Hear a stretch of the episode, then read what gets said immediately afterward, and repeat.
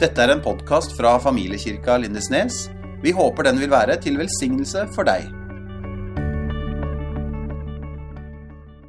Veldig hyggelig å komme hit til, eh, til Betel. Og lette litt etter veien og kom, jeg, fikk hjelp av kartet. Og så, så kom jeg meg ned hit. eh, Det var en fin tur. For du skjønner det, Jeg kom kjørende fra Kristiansand, da. og så der ved, ved siden av veien der sto det en buss. du. Jesus frelser. Det var liksom den Ja, Jesus frelser står det der. Og det var jo det var fint. Og så kom jeg ned og tok av der, og så syntes jeg jeg hørte noe. Og da, da, da måtte jeg ned med ruta. Enda det er jo snø her nede. Jeg visste ikke at det var lov. Jeg er så langt sør. Har dere hatt det her før? Altså, eh, og så ned med ruta der, da, og så kjørte jeg kirkeklokkens klang. Det var vel Vigeland eh, kirke, det. Ja. Jeg er jo en sånn pussig type som liker kirkeklangen enn jeg aldri går i kirka. Den norske kirke, ikke sant? Men, men, men da, det, da kjentes det fint. Det var jo noen som kaller folk til å komme og høre Guds ord. Så da, da, da, Det føltes veldig bra. Og så treffer jeg jo denne gjengen. Det var fantastisk. Nå gikk jo disse karene som satt rett bak meg der. Ja, du ser raden er tom der, andre rad er tom der. For det var tweens, var det ikke det? Tweens-gutter. Og det var, det var som en sånn tidsmaskin. For er jo, jeg er jo egentlig en sånn tweens-gutt, ikke sant? Ikke sant? Jeg har jo liksom eh, hva var det de het, alle stedene? Philadelphia Sarpsborg, der jeg dingla med beina. Philadelphia Tromsø, der jeg sitta og dingla med beina. Sion Molde. Du skjønner, Faren min var pinsepastor og dro meg rundt på stevne på Breivikeidet. Uh, uh, stevne i Elnesvågen. Det er sånne sinnssyke steder som du kanskje aldri har hørt om. Men der prøvde man der også å forkynne evangeliet enda det ikke var på Sørlandet. Og, og, og fortelle om Jesus. Og da ble det liksom storyen om mitt liv også. Jeg vil også være en som forkynner evangeliet. Og da, da dro jeg til Kristiansand da jeg ble 20 år for å ta en pastorutdannelse på Ansgarskolen. Og der treffer jeg jo Hilde Aasebø, vet du. Um, og hun gikk jo der samtidig. Og så, og så i Kristiansand, vet du. Der traff jeg kona mi, Karin. Og det er jo bestevenninna til Heidi Eiken. vet du. Alle folk har jo skifta navn siden sist, men, men sånn er det, ikke sant? Og, og, og, men hun, vi har gjester i dag. Det er derfor hun ikke kom. Det, det, og, så, og, så, ble det sånn at jeg ble pastor da i pinsebevegelsen når jeg var 26 år. Akkurat det året var jeg den yngste pastoren i hele pinsebevegelsen. Og der det var borte i Stavanger, der ble jeg kjent med en som er Geir Myhra. Har dere hørt om han? Ja. Dere er helt sikre på at dere vet hvem han er? Ja. Det er han litt lille Nei da, men altså og så Han var i, på Jørpeland, vi var i Stavanger, og en annen kompis, Arve Bekkelund, de var pastorer nede i Egersund. Så vi ble veldig godt kjent. Har dere hørt om han? han så dro vi holdt på å si, hver vår vei og har holdt kontakten. Jeg havna i Bergen. da, Var pastor i en menighet som heter Tabernaklet i, i, i ni år. Og mens jeg var som pastor, skjønner du, så så tok jeg også Jeg kjeda meg litt. Jeg tok meg en um, utdannelse som lektor i, i, matematikk og har vært mattelærer noen år på Danielsen videregående i Bergen. Og der har jeg undervist fetteren din. vet du. Ja, ja, ja. Sånn er det. Så traff jeg hølleledninger både i Haugesund og Nordhordland. Og fikk da være noen år med i Salt etter at jeg slutta som pastor i Tabernakel og var mattelærer. Eh, hadde litt ansvar for misjonsarbeidet som vi drev der. Og var også, fikk da oppleve litt av hva tanken bak Bro til tro kan være. For et halvt år siden så kom liksom kallet hjemover for oss til Kristiansand. Så jeg begynte som pastor i Betania i Kristiansand for et halvt år siden. Og noen syns jo da at det var veldig sånn at ja, men du har jo vært sånn pinsevenn. Og det er jo sånne frie venner. Men, men jeg syns jo bare det er venner. Uh, og så, så, er jeg der et halvt år, og så, stemmer, så vil de bli pinsevenner. Så det, det, så, jeg vet ikke, det hadde ingenting med meg å gjøre, tror jeg. Men, men det var jo sånn som det skjedde, da. Uh, så der, der, står vi nå. Og, og, det var kjekt å få komme hit. Jeg var hos Geir en gang nede på Spangereid, men, men her i Svennevik har jeg alltid bare kjørt forbi. Inntil i dag så fikk jeg med meg hva skal vi si, selve Hva, dere, hva sa de? Juvelen i kronen. Uh, ja, ja, ja. Jeg har blitt utfordra til å si noe om eh, bro til tro og om R-en om relasjoner. Og jeg har lagd en liten sånn powerpoint, og så får jeg god hjelp. Bro til tro. Og da er det den der teksten som jeg vil lese. Det er Matteus 4, 18-20. Og der eh, står det En gang Jesus gikk langs Galileasjøen, fikk han se to brødre. Simon, som kalles Peter, og hans bror Andreas. De var i ferd med å kaste not i sjøen, for de var fiskere. Han sa til dem, 'Kom, følg meg, så vil jeg gjøre dere til menneskefiskere.' Straks lot de garnet ligge og fulgte ham. En gang Jesus eh, gikk Ja, da er det den Her har det teksten kommet to ganger, så jeg ble forvirra av det. Ja, kanskje vi får den opp der. Eh, eh, og, og, dette er jo en, en fortelling om, om, om, da Jesus kaller disipler. Det første han sier, er 'følg meg'. Følg meg. Så vi må få rekkefølgen riktig. I dag skal vi snakke litt om ting vi skal gjøre i kristenlivet. Så du må, du må slappe litt av. altså. For det, det skal ikke bli noen høye skuldre. Det begynner bare med å være hos Jesus. Det er basisen. Det er en annen fortelling som ligner på denne. Det var når, når sa, Johannes døperen sa 'Se, der er Guds lam'. Og så var det noen av som er det han? Er det, er det han? Er det han? Og så jogger de av gårde liksom, og så sånn, prøver å bli kjent. ikke sant? Liksom, 'Hei, skal vi leke?' Sånn. Nei, men de spør sånn 'Hvor bor du, da?' spør de han. Ja, 'Kom og se', da, sier Jesus. Kom og se. Det er basisen i det livet vi lever. Kom og se. Kom og se, sier han. Bli med, da. Altså, det, er, det, er, noe veldig rolig ved det. Men det, Da kommer vi nær til han, sitter hos han, og så skjer det noe. Men du skjønner, det vi skal gjøre, er cirka å sitte, liksom, komme og se. Det er sånne enkle ting som er basisen i det vi skal gjøre. Så det er en grei ting, påminnelse før jeg skal snakke om ting vi bør gjøre. For det jeg skal snakke om i dag, er bro til tro. Og jeg har funnet fram et sånt fint bilde. Jeg har ikke tatt dette bildet selv. Jeg har knabba det på, på selve Se på den broa. Se på den broa. Der kan du kjøre fantastisk tunge ting over. Og den heter til og med den heter nesten Perleporten. Den heter The Golden Gate. ikke sant? Den er fra San Francisco. Og, og, og bro til tro det er et sånt anagram. er det ikke det det heter? Bønn og så kommer neste, som er relasjon, og neste der igjen er ord. Tanken bak dette det er jo at vi er kalt til å være menneskefiskere.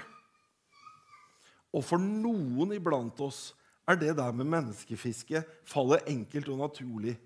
Men for de fleste iblant oss så blir det litt Vi står litt fast. Jeg skal snakke litt om hvorfor og hvordan vi står litt fast i det. Og hvordan vi kan tenke litt annerledes. Um, nei, bare gå tilbake til broa. Um, um, og hvordan vi kan tenke litt annerledes og, og bygge en bro til tro. Og det begynner med bønn. Jeg tror det ble snakka om det her fra Ruben Østerem. Han, han er også møtt i Bergen. Uh, om, om bønn. Vi må begynne med å be for folk. Denne lappen, vet du. Og så Har du vært på sånne bønnemøter hvor man ber for hele verden? Altså, vi, Tre stykker, ikke sant? Tre stykker som du kjenner litt, som du ønsker å være et lys for. Og så R for relasjon. For når ting ikke går av seg selv, da, da, da, må vi bruke litt tid, og da må vi bygge opp relasjoner. Det skal jeg snakke om i dag. Og når den er bygd opp, så blir det en slags bro som vi kan sende evangeliet. For det, av det er evangeliet litt sånn godstog. Har du sett jernbanebruer? Altså, Du har jo en bru her ute, ikke sant? sånn liten bro for sånn, sånn seks meter bred. sånn Gammeldags brevbro. Du, den er ganske Hva er det de kaller platebro? er det det? Den er, gans, den er bare 40-50 cm tykk. Fantastisk at det holder. Men jernbanebruer de er kraftige. Har du sett jernbanebruer? De er liksom, de er liksom fire meter betong det er en sånn kjerne der. For du skal kjøre godstog over. Sånn er det litt med evangeliet òg. Det er heavy saker. Så du må bygge en solid bro, sånn at den bærer evangeliet, godstoget, når du skal sende det til kunne jeg bedt om litt hjelp med et glass vann. Fordi jeg har rota det til og blitt forkjøla og har glemt det og ordne med det. Og nå hører jeg at stemmen min blir sånn rar. Men det er verst for meg, tror jeg. Jeg håper ikke du blir plaga av det. Men hvis jeg får litt å drikke, så går det sikkert bedre. Det er forresten veldig viktig at predikanten får litt å drikke, for det forebygger at det blir veldig tørt. Og det kan være bra for alle, egentlig. Ja, ja det, det, det, blir, det, blir, veldig bra. Bro til tro. Altså, Hva med det der, ikke sant? Har du prøvd å være sånn vitne? Som evangeliserer, liksom? Naboen eller, eller på butikken eller sånn? Har du, har du, hatt noen dårlige opplevelser med det, eller har du stort sett bare holdt still for du har vært redd for dårlige opplevelser? Jeg kjenner en, altså, eller kjente er riktig å si. Han, han var frisør. Og, men Han var jo egentlig predikant, men han var frisør, for noe skal du jo leve av. Um, og så, så, han hadde et løfte til seg selv um, at, um, at, at han skulle vitne for alle han klippa. Så det var liksom uh, avansert eller ambisiøst. Men en gang vet du, så sto han der, han Jakob, og så fikk han ikke ut et eneste ord. Det, var, det er noen år siden her, så han var klipping, og det var vasking og det var vel føning og jeg vet ikke hva heter alt sammen. Ting i håret. Og så var det barbering. Så jeg tenkte, jeg har ikke fått sagt et eneste ord. Og Jesus liksom, så han liksom var så fortvila, for var, han hadde jo på en måte lovd seg selv at han skulle vitne til alle. liksom. Og så han, sto han der og, og kvessa eh, barberkniven. ikke sant? Skikkelig sånn barberkniv. Og så tenkte han jeg må, jeg må bare få sagt noe. Er du rede til å dø? Du vet, Det er en fantastisk fiasko. ikke sant? Han skremte jo fullstendig vannet av den stakkars karen som satt der i stolen og tenkte dette her, Hva er slags fyr er dette her? Hvis vi prøver for hardt, så kan det jo gå feil. ikke sant? Sånn er det det der å liksom skal trenge ut. Og nå skal jeg fortelle om menigheten jeg gikk i, som jeg elsket med hud og hår da jeg var 17 år gammel. Salem het den. Sandefjord het det. Og da vet du, da var det sånn skal vi se, Jeg har lagd liste. På tirsdag var det morgenbønn klokka halv sju. Da var jeg klar. vet du. Hadde levert morgenavisen, var klar til morgenbønn. Langt ut på dagen halv sju. Onsdag da var det ukemøte klokka halv åtte på kvelden. ja. Torsdag da var det korøvelse. Disse tegn skal følge de som tror. De skal synge i kor. Det, det var den trosbekjennelsen vi levde etter da. Og på fredag da var det bønnemøte på, liksom, med, de, med, de, gamle. Da lærte jeg av de gamle å be. Kneleputer og hele pakken. Eh, og på lørdag var det ungdomsmøte, og på søndag var det bare to møter. Seks dager i uka. Jeg, mener, jeg, jeg var jo frivillig, jeg hadde jo ikke en krone i lønn, men jeg var jo full stilling. Jeg elska det med hud og hår. Og når du er eh, kanskje gymnasiast, så passer det bra. for Noe må du jo bruke alt energioverskuddet til, så det er bra å ha noe å holde på med. Men du vet, hvis, hvis du og jeg holder på med det her du, i aktivitetsmenigheten, da er det sann. Når skal vi da rekke å ha venner som ikke er på innsida av det, Betel? Det må jo bli det neste livet. Altså, det er liksom Vi har ikke tid. Vi er ikke tilgjengelige. Vi er opptatt med å, å menighetificere. Så det, det, det, ligger rett og slett, Vi må tenke igjennom det. Vi kan ikke holde på hver kveld i uka. Og det skjer veldig lett i mange aktiviteter. Jeg vet ingenting om ukeplanen her. Men, men faktisk, Og da er det forskjellige ting. En menighet jeg var innom, de prøvde å gjøre det på dette. Nei, vi tar alle greiene, alle komiteene, alle de beduttene, alle korene på tirsdag. Ja, men jeg er jo med i flere. Ja, Da motvirker vi at folk blir Tordenskjold-soldater, og så er de bare på tirsdag. Og så holder vi på fra seks til ni, og så har vi bønnemøte fra ni til ti. Alt. Og så Alle de andre kveldene skal brukes på familien og andre venner. Vel, det var et forsøk. For man begynte å tenke det blir for mye. Det blir for mye. Og det sier jeg som er som predikant. og vil ha flere møter, jo bedre. Jo flere bibeltimer, jo bedre. ikke sant? Så da, da, da, er det der. Men den aktivitetsmenigheten den leder til at vi prøver å få mennesker med i menigheten. Vi er egentlig fornøyd hvis vi får dem innenfor dørene. Og det setter egentlig et større skille mellom innenfor og utenfor. Vet du hva? Slagsiden med det der det klassiske måten vi har jobba på, er at vi blir litt som telefonselgere. Er det noen her som elsker å bli oppringt av telefonselgere? Er det noen som er telefonselgere her? Jeg, jeg har vært det, så jeg prøver, jeg prøver, jeg prøver å være snill. Sånn, nei takk, prøver jeg å si da.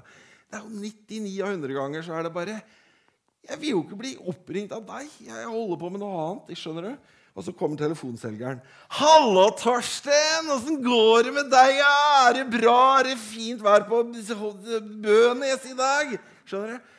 Og hvorfor blir jeg så provosert av det? For jeg veit jo det er falskt. Og jeg har vært en av dem sjøl, så, så, jeg prøver å ikke være sure på dem. Men de har liksom lært at sånn skal de være. De skal bryte ned den naturlige avstanden. For, men de er driter jo i åssen jeg har det. De vil bare ha de 200 kronene for noe de selger som jeg ikke har bruk for. ikke sant? 99 av 100 ganger har jeg ikke bruk for det.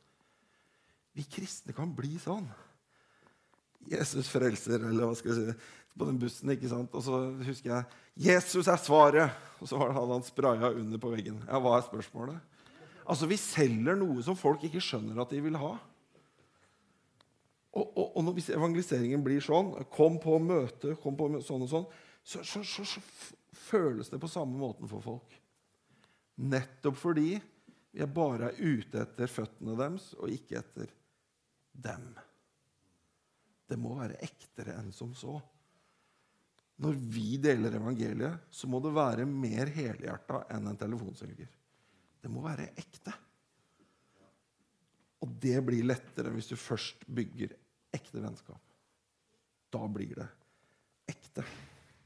Hvis ikke så blir vi sånne som går på dører vi skal ikke snakke stygt om mennesker som gjør så godt de kan, men jeg tenker på Jehovas vitner. Syns du det er attraktivt når de ringer på og skal krangle med deg om et bibelvers? Jeg tror veldig mange sier 'Jeg orker ikke den samtalen'. Hvordan tror du det er for dine ikke-kristne venner når du begynner å snakke? Det blir litt på samme måten hvis ikke vi har en relasjon først. Hvis menneskene i Svennevik bare blir et mål for at tallet her inne skal bli høyere, da, da går vi ikke dypt nok. Fordi, hvorfor det? Hva, hva, hva, sier bibelteksten? Sier For så høyt har Gud elsket verden. At han ga sin sønn det eneste for at hver den som tror på ham, ikke skal gå fortapt.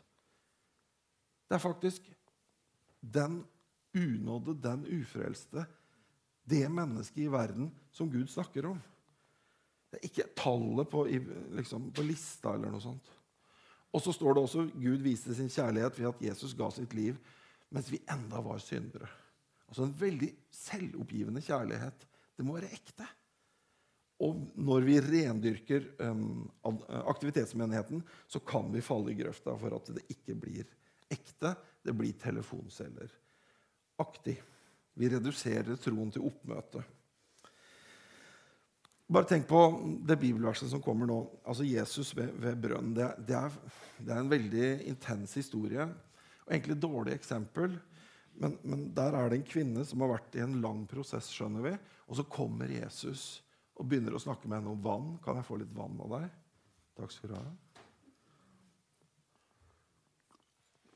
Du kan jo ikke spørre meg om vann, for jeg er en samaritansk kvinne. Teologidebatten er i gang med en gang. Og så sier Jesus ja, egentlig er det jeg som har vann. Og hun bare ja, 'Du har ikke bøtte engang.' Skjer.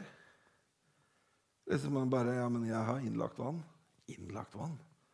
Skjønner du? Må, hvis ikke du forstår denne parafrasen jeg nå forteller, så må du bare gå tilbake og lese Johannes 4. By the way, Det å lese teksten er faktisk kjempebra. Gjør det oftere. Og, og, og så, så, blir det en sånn Han klarer det mirakuløse å bygge en relasjon på et kvarter. Vi kan ikke regne med å være på det nivået hver dag. vi altså. Så Noen klarer det. Og med Helligåndens hjelp så vil vi av og til havne i sånne situasjoner. Men hva gjør vi når ikke alt slår til på den måten? At alt klaffer i ett sekund? Da gjør vi bro til tro. Da bygger vi en langsiktig relasjon. Som vi også ser for oss å bruke um, til å sende evangeliet. Det Jesus får til på noen minutter, tar erfaringsmessig for oss år i vår kultur. År. La oss snakke litt om Fra minus til pluss. Husker dere den boka og den kampanjen? Eller var det i forrige årtusen en gang? Vi får se bildet her nå. det er jo han der Reinhard Bonke. vet du. Han hadde sånn eh, kampanje i hele Europa fra minus til pluss. Det er en ganske bra bok, altså. Ganske bra bok. Jeg sier ikke noe negativt om den boka. Han prøvde jo, at Den er på svensk, ser jeg der på bildet. Fra minus til pluss. Så husker jeg at han, husker dere han Emanuel Minos? Han, de skulle ha Bonke to uker i, i, Malmö, og så skulle Midos komme etterpå. De delte ut boka til alle i byen og holdt på. Og så sier Emanuel Minos ja, det er fra minus til pluss. Nei, men altså, altså han, han, han, sa det sjøl, så jeg har lov å si det. ja. Fra bunke til minus, sa han. Fra, fra, fra pluss til minus. Nei, så, så, det er en bok som forteller eh, evangeliet og prøver å nå ut. Og det bildet er jo det, det vanlige bildet vi har. Er det noen som har blitt frelst her på første benk? Altså, er det vanlig å komme fram og bli frelst liksom, på første benk? Kjenner dere igjen konseptet? Ikke sant? Da, når ble du frelst? Jo, det var på kveldsmøtet. Klokka 19.45. liksom. Da skjedde overgangen. Det er den klassiske tankemåten vår. Men greia er at vi har overdrevet betydningen av øyeblikket og underdrevet betydningen av prosessen. Så akkurat det, de ordene fra minus til pluss det liksom sier sånn Et skifte, liksom. Jo, det er et skifte.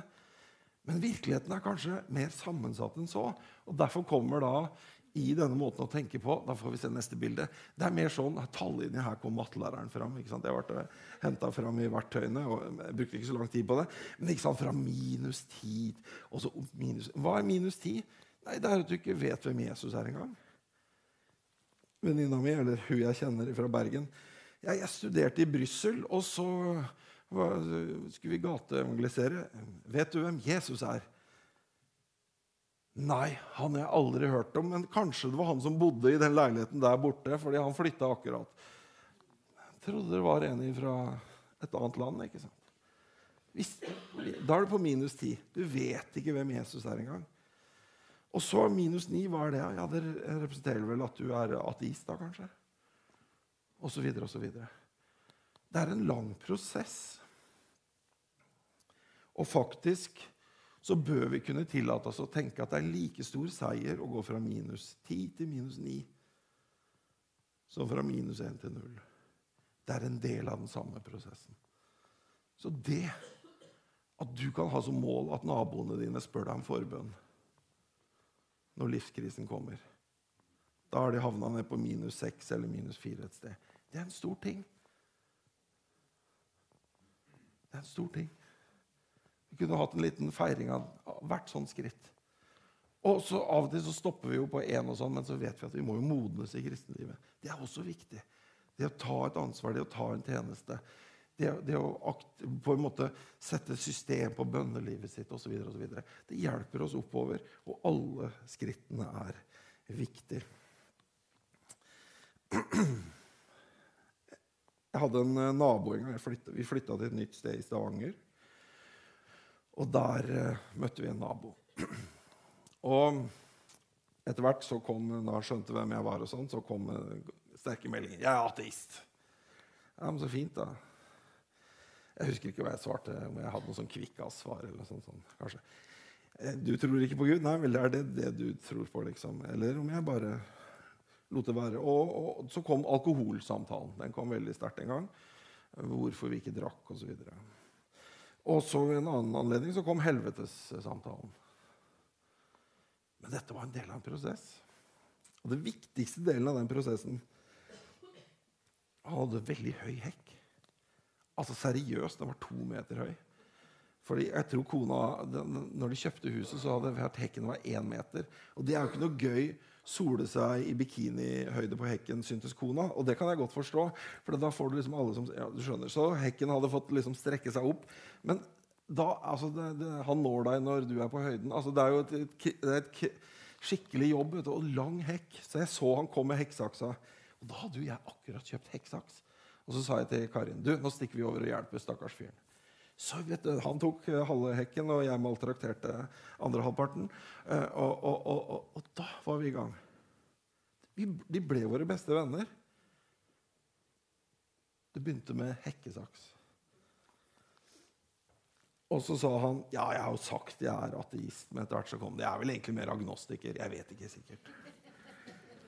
Så spilte han eh, klassisk musikk, og så en dag så kom det Du vet, jeg er jo agnostiker, men når jeg spiller Mozarts rekviem, da, da, da er det som jeg kjenner at det er en åndelig virkelighet.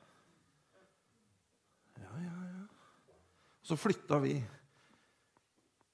Så vi kom ikke inn i mål der vi kom fra minus 9 til minus 6. Men vi har prøvd så godt vi har kunnet faktisk Vi ser på dem som våre venner den dag i dag. For det må bygge ekte vennskap. Og faktisk, i en del perioder i Stavanger-tida, så var det de vi hadde å lene oss på som venner. Så du får jo direkte utbytte av det. Du må bygge sånne relasjoner og prøve tenke litt sånn intensjonelt.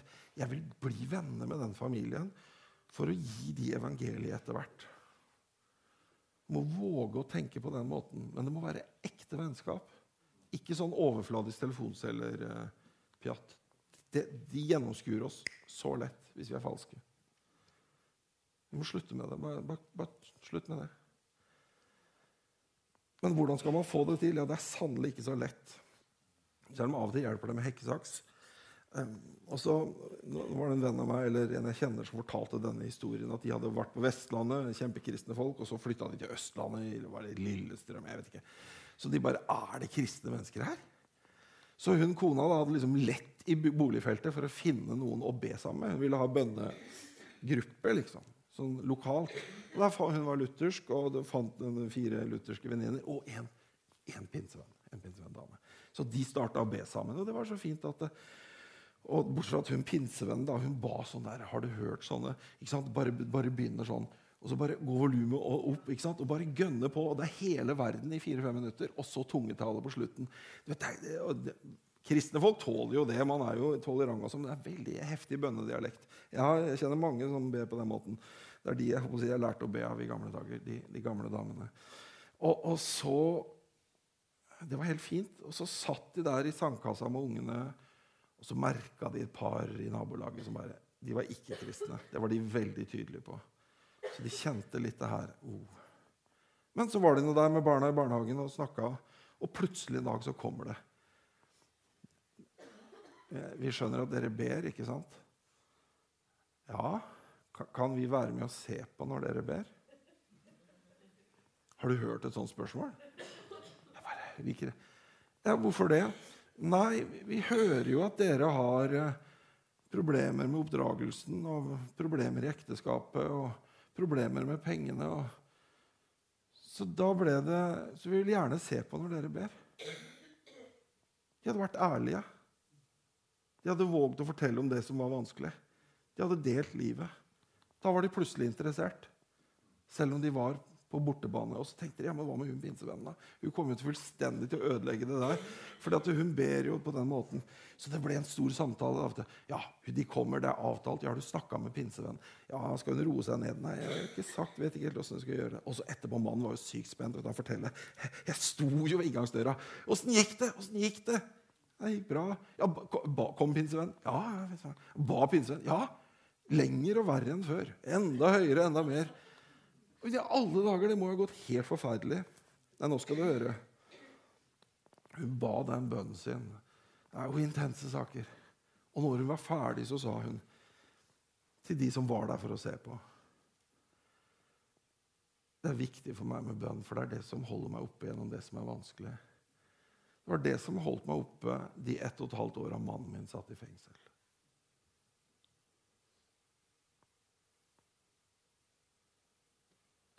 Når du våger å være sårbar, så kan du be på hvilken dialekt du vil. Da har det ingenting å si, for da er det ekte. Det at de vågde å være ærlige og svake og vise fram det, det de skammet seg mest over, det åpna hele døra.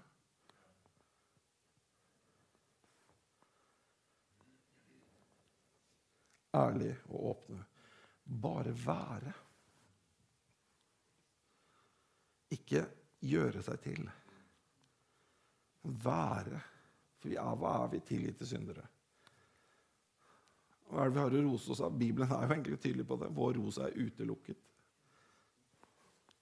Så hva er det vi holder maska for? Ja, det er jo tryggest. Vi er jo alle sånn at vi, vi holder det litt sånn. Ja, men Slipp den, da skal du se hvor gøy det blir. Du aner ikke hvilke fantastiske samtaler du kan få når folk begynner å være åpne.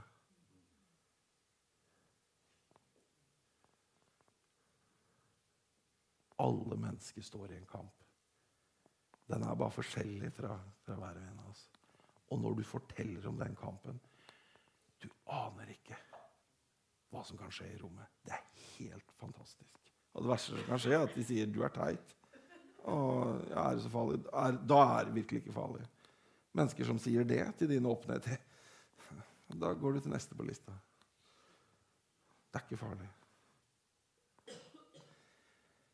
Men det for å bygge denne relasjonen som gjør broa solid, så må du våge å være. Slutt med gjøringa. Det er nok gjøring. Så må du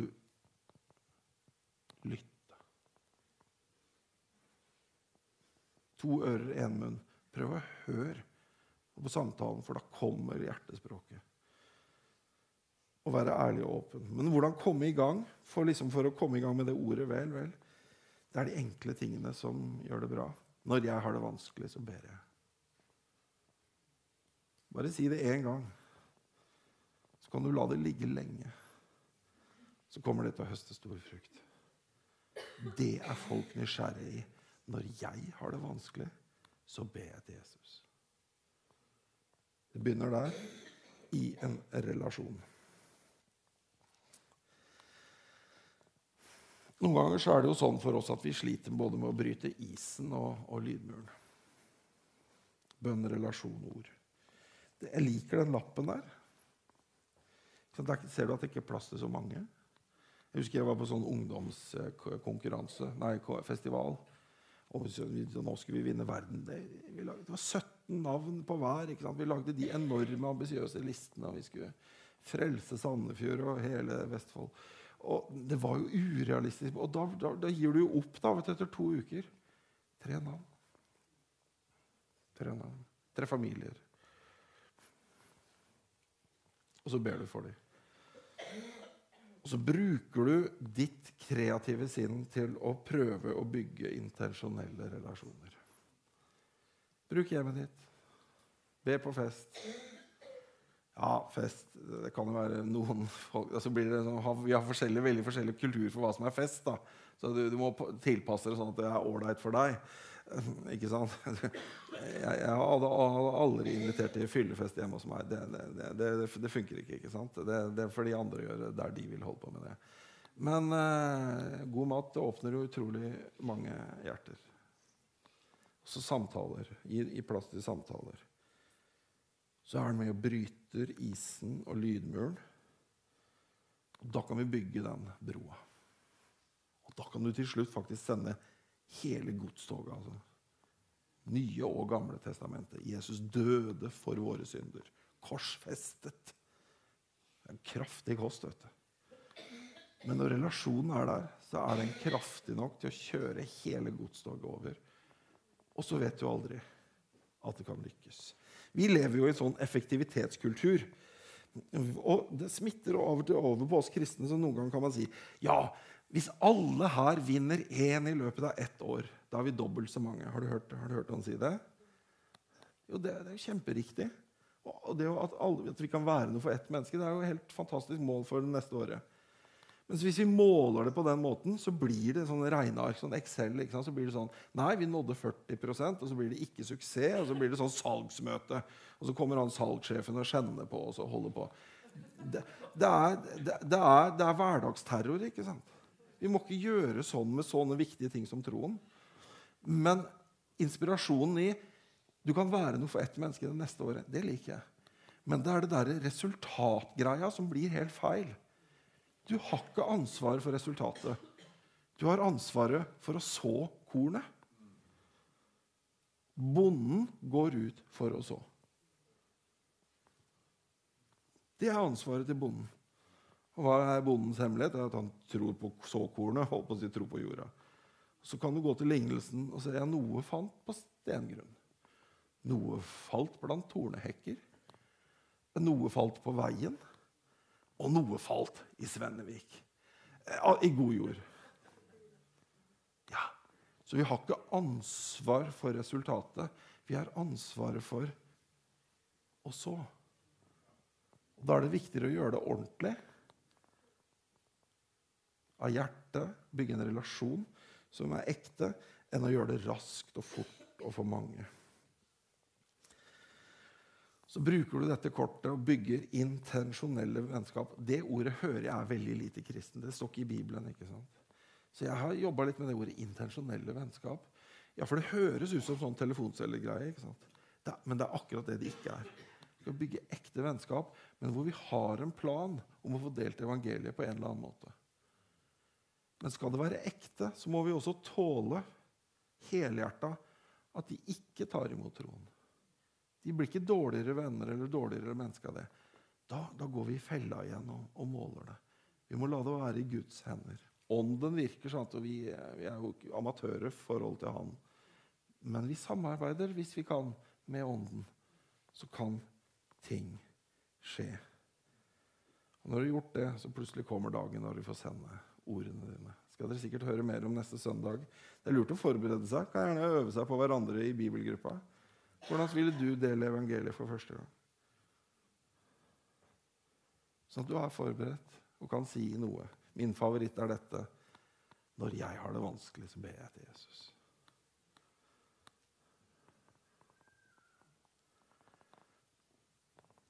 Amen.